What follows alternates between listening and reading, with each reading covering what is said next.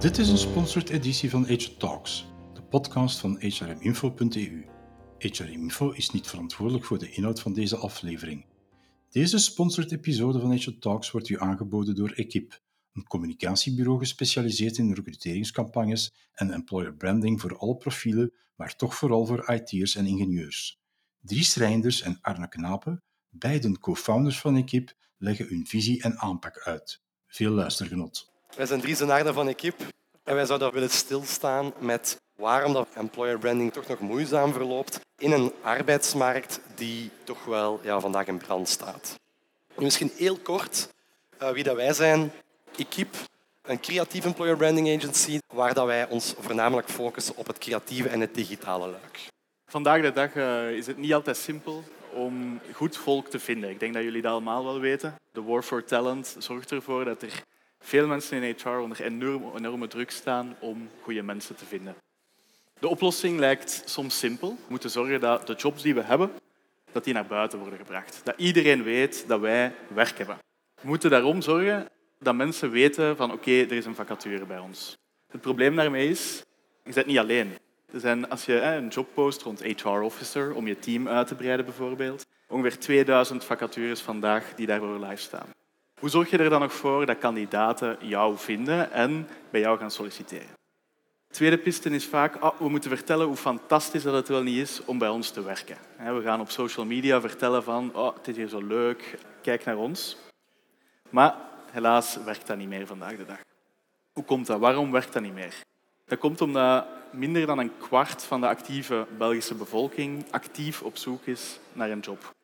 Dus drie kwart van de mensen gaan jouw vacatures, jouw jobposts op LinkedIn al gewoon niet zien of volledig negeren. Daarbuiten worden ze ook nog eens op social media elke dag getarget met 7000, 10.000 boodschappen. En dus het is gewoon ook heel moeilijk om daaruit te springen. Als jij een job post van kom bij ons werken, kan je het kwalijk nemen dat ze er gewoon voorbij scrollen. Ook omdat een job wisselen is niet hetzelfde als iets kopen op bol.com of Coolblue. Je gaat niet gewoon voor een een of andere jobadvertentie zomaar even van werk veranderen. Voor een robotstofzuiger werkt dat misschien nog wel, maar voor een job daar gaat iets meer een proces aan vooraf.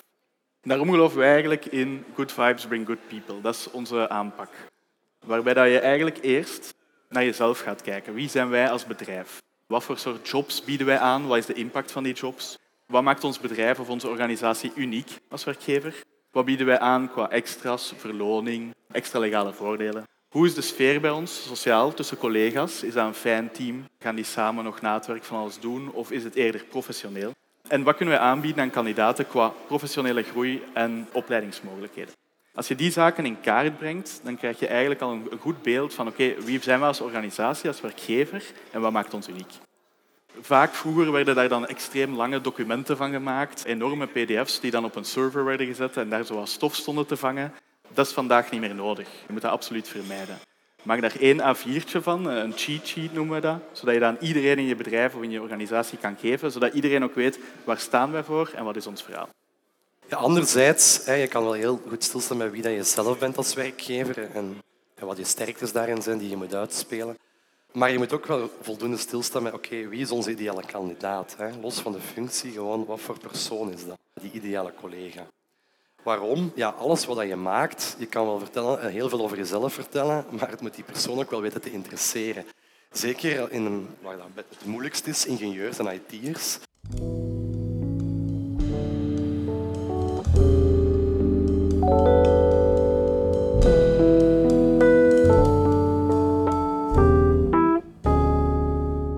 Daarom pleiten we eigenlijk om één rode draad in uw verhaal te brengen, één sterke basis, maar dat je wel genoeg ruimte voorziet om heel wat ideeën onder te hangen. Eigenlijk. Dat je niet gewoon één campagne uitrolt, maar dat je genoeg ruimte laat om heel wat verschillende triggers te kunnen uitspelen naar die verschillende doelgroepen. Want opnieuw, wat Arne daarnet ook zei, iemand overtuigen van een product of een robotstofzuiger, weet je, dat kan je eens een keer met een campagne of een advertentie doen. Iemand overtuigen van een job, daar gaan soms maanden, jaren aan vooraf. Dus hoe ga je die persoon meepakken in dat traject, in die reis? En daarin is het ook belangrijk om een soort van rode draad of een communicatieplan te hebben, waarin dat je ruimte hebt om op drie niveaus te gaan communiceren. En in die eerste fase ga je vooral erbij stilstaan van oké, wat maakt ons uniek en hoe gaan we dus die persoon weten te triggeren. Het enige wat je daarmee wil bereiken is gezien worden, onthouden worden. En dat ga je niet hebben met wat je daarnet zag, met alleen maar over jobs te communiceren. Kandidaten worden overspoeld, ze gaan dat gewoon voorbij gaan, dat is allemaal korte termijn. Een voorbeeld, vandaag is het gewoon zo dat, en ja, Gen Z, eh, millennials was al heel kort, maar Gen Z is dan nog maar extremer aan het worden. Alles wat zij zien, scannen zij. Zij gaan niet meer uitgebreide teksten te zien krijgen. Ik denk als je gewoon al naar je eigen mediagebruik uh, kijkt, dat het gewoon ongelooflijk veel prikkels is dat wij verwerken. Dus moet je er ook voor zorgen dat je content daarin behapbaar is. Voorbeeldjes, ik weet niet wie van jullie dat het heeft uh, zien passeren, maar bijvoorbeeld Van de Lanotte. Die hebben recent, en dat is geen campagne of zo van ons, maar het zijn wel mooie voorbeelden, uh, gelanceerd van oké, kijk, als je drie maanden bij ons nog werkt uh, en, je, allez, en je moest vertrekken, dan krijg je van ons daarin 5000 euro. Want we zijn er gewoon zo van overtuigd dat je bij ons gaat blijven. Los van dat dat een bold statement is, is dat gewoon iets. Er zit PR-waarde in, dat wordt gezien, daar wordt over gesproken. En dat is het enige wat je van dat soort acties eigenlijk wel... Als je dat kan bereiken, is dat al voldoende. Een voorbeeld van een actie die zich meer in deze fase zit van oké, je wil vooral gezien worden en bijblijven. Anderzijds, een voorbeeldje van ons. Ik mocht het filmpje eventjes um, afspelen. We zien vandaag heel veel testimonials, uh, bedrijven die over hun waarde praten, hoe uniek dat ze zijn. Ik ben Elke. I'm Celine. Ik ben Brecht. Nu, Welkom in mijn home Dit is een filmpje van ongeveer een twintigtal seconden. It's gonna be a challenge. Wow. Waar dat we eigenlijk medewerkers vanuit Tellewij aan het woord laten. En normaal is dat saai en oh, oké. Maar in deze hebben we er gewoon een taal acteur tussen gezet, waardoor dan een kijker zoiets heeft van oké, nu wil ik wel eens een keer weten wie dat die acteur is. En daar een keer naar op zoek gaan. Wat is het gevolg? Die video's die worden uitgekeken en ja, ongeveer 40.000 views. Dus dat is gewoon weer eigenlijk met een twist in te steken. Hier is ook een lange versie van, van drie minuten, maar die wordt bijvoorbeeld in een volgende communicatieweef gebruikt voor personen die hier al interesse tonen, die dat gezien hebben en zoiets hadden van oké, ik ben geïnteresseerd, ik heb dit filmpje gekeken en laten we naar het volgende gaan. Waarom dat belangrijk is, is omdat dat is aangetoond dat voor meer dan 90 procent van de mensen dat die beslissingen nemen puur op intuïtie. Dat eerste gevoel is super cruciaal om voor mensen om een beslissing te nemen. Dat wil niet zeggen dat je daar alleen moet op inspelen. Je moet ook zien dat je genoeg rationele argumenten voorziet om die beslissing te onderbouwen. Maar de eerste reactie is cruciaal om een emotie los te wekken. Daarom is die eerste fase zo belangrijk, dat je niet puur rond jobs gaat communiceren, maar dat je ook iets, iets publiceert, iets communiceert waar dat mensen door doen lachen. Waardoor dat die een reactie loswekken en je brand, je employer brand eigenlijk gaan associëren met, met een goed gevoel. Als we dan naar die tweede fase gaan en je hebt eigenlijk mensen al eerst een keer weten te bereiken, ze hebben het gezien. Meer moet je niet verwachten, maar ze weten van, ah, oké, daar waren die mensen van, dat was wel leuk gedaan. Dan kom je eigenlijk hierin. En hier ga je communicatie brengen heel toegespitst is op die ideale doelgroep. En we spreken nog altijd niet per se op job. Het gaat echt om wie is niet de ideale collega met die nuances, wat dat daarnet eigenlijk werd aangegeven. Wat wil je hier vooral bereiken? Dat het interessant is voor die doel. In IT kan dat soms gaan over praten over een specifiek project waar dat mensen in geïnteresseerd in zijn. Je weet op basis bijvoorbeeld van zoekgedrag of andere data vanuit Google. En je gaat dat soort content heel gericht naar hen toe brengen. Anderzijds een voorbeeldje van een case vanuit Acerta, waar we momenteel aan werken. Um, is zij zoeken ongelooflijk veel payroll-medewerkers vandaag de dag. Nu, binnen een payroll-medewerker heb je verschillende doelgroepen eigenlijk. En je kan een verhaal, wat je daarin te bieden hebt, genuanceerd gaan brengen. Dus wat als we het verhaal, die landingspagina, dus een keer maal drie doen. En we brengen ons verhaal specifiek voor starters, waar we de academy brengen opleiding in de verf. Maar evengoed uitzendkantoren. We merken dat er heel veel uh, personen zijn die in uitzendarbeid werken, een sector die vandaag ook onder druk staat, dat die toch wel een overstap zouden willen maken van soft naar hard HR. Schrijf een pagina met pijnpunten die ze gaan herkennen. Die je gehoord hebt van mensen die die overstap hebben gemaakt. Die zoiets gaan hebben van oké, ik lees dat hier nu wel. Ik had niet meteen gedacht aan een job bij Acerta. Maar nu dat ik dat hier zo aan het lezen ben, is dat precies wel een job op mijn lijf geschreven. Nu, dat is natuurlijk niet geheel toevallig, want die pagina is ook gewoon effectief naar uw lijf geschreven. En dit is iets wat of een techniek die ervoor zorgt dat mensen geïnteresseerd zijn, dat ze ook wel effectief daarna gaan solliciteren. Want dat is die laatste fase. En dan spreken we specifiek over jobcommunicatie. Uiteraard niet onbelangrijk, maar je moet gewoon zorgen dat je niet alleen hierop inzet. Want hier heb je vandaag ongelooflijk veel concurrentie. Iedereen is vandaag aan het roepen van wij zoeken volk. En opnieuw, een kandidaat gaat dat niet zien. Tenzij dat die persoon actief op zoek is naar een job, dan weet je die te bereiken. Maar alle andere is verloren mediaruimte of verloren uh, moeite om aan collega's te vragen van deel soms die job nog eens. En zorg ervoor dat je ook gewoon andere content hebt op die andere fases, zodat je ook gewoon ergens op die momenten ook kan bijblijven.